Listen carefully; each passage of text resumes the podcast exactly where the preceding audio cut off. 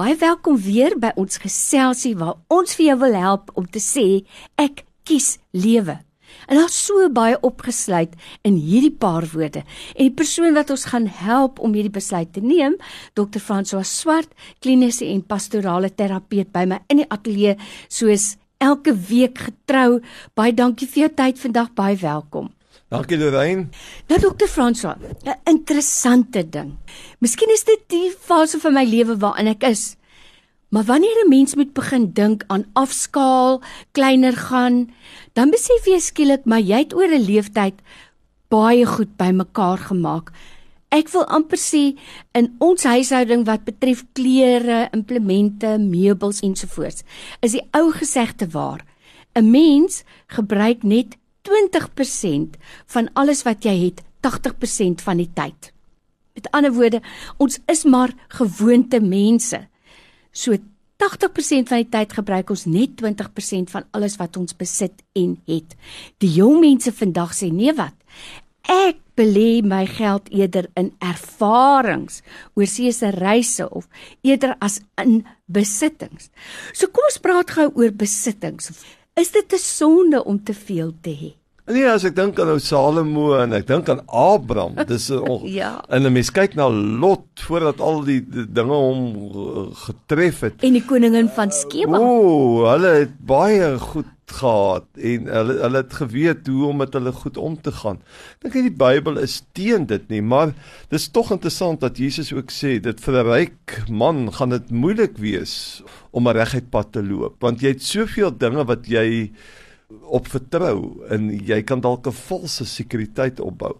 En dit sou 'n belangrike gedagtelyn wees wat die Bybel vir ons wil kom deurgee. Pasop vir te veel besittings. Dit skep vir jou 'n valse idee van veiligheid en identiteit. Jy moet 'n rentmeester wees en dis waar wat jy sê. Ons gebruik nie alles wat in ons klerekas hang nie. Hoeveel pare skoene het jy nou? En moet jy meer as 30 pare hê? Ons leef in Afrika waar armoede mm. aan die mm. orde van die dag is, mm. waar baie van ons mense onder die broodlyn lewe. Uh, is dit nodig dat jy so baie klere moet hê? Dis uh dit gaan maar oor balans, Lorraine. Ek dink uh, ons moet maar seker gaan maak en is goed om elke 6 maande na jou klerekas te kyk. Jy weet van mense rondom jou wat swaar kry. Sorg dat jy regtig die minimum goed het ek is so bly ons jong mense is vir ons 'n voorbeeld. Mm. Hulle is meer minimalisties. Mm. Ek leer by my eie kinders, daar moet nie so baie meubels in die vertrek wees nie.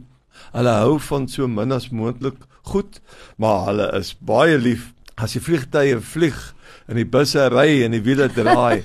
ja, hulle wil ingaan, hulle wil ervaring sê. Mm. En dit is tog so. Die Engelse se mooi woord memories, herinneringe Niemand kan dit van jou wegvat nie. En jy word deur ervarings word jy ook verryk. Jy leer van ander horisonne, ander maniere van kyk na goed, ander hoeke om te kyk. Jy's nie vasgevang net in jou eie ou wêreldjie nie, want jy kry blootstelling aan ander soort ervarings. En dit op die lang duur verryk jou lewe. En ons kies mos die lewe en ons is mos in 'n proses in hierdie program om die heeltyd ons lewens te verryk. Mm -hmm. En ek dink baie keer dat ervarings is 'n kort koppie voor in terme van hoeveel jy besit. Sure. Ervaring kan jy met jou dra vir die res van jou lewe en dit ook deurgee vir ander mense. Ware woorde nou by my in die ateljee vandag weer Dr. François Swart, hy's 'n kliniese en pastorale terapeut. Ons praat vandag oor besittings teenoor ervarings. Nou dokter François, ek onthou ons het ook al gepraat oor skuld en hoe dit baie onnodige stres by mense veroorsaak. So watse wenke het jy vir ons om ons te help om 'n goeie rentmeester te wees van ons inkomste? Met ander woorde, hoe kan ek myself weerbaar maak teen daai koopgees?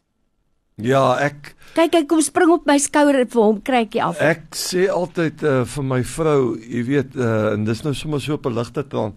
As ek uh, in Woolworths rondstap of in Pick n Pay, dan voel dit vir my of al die goed op my wil spring. Dit voel vir my koop my, soos die hemel, uh, uh, alles sê net koop my, koop my.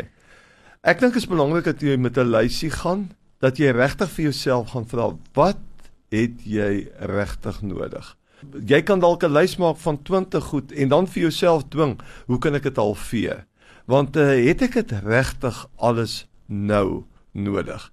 Die hele gedagte van die Engelse just on time is ook goed dat goed nie onnodig daar lê nie. Mm. Maak seker dat jy wel goed nodig het.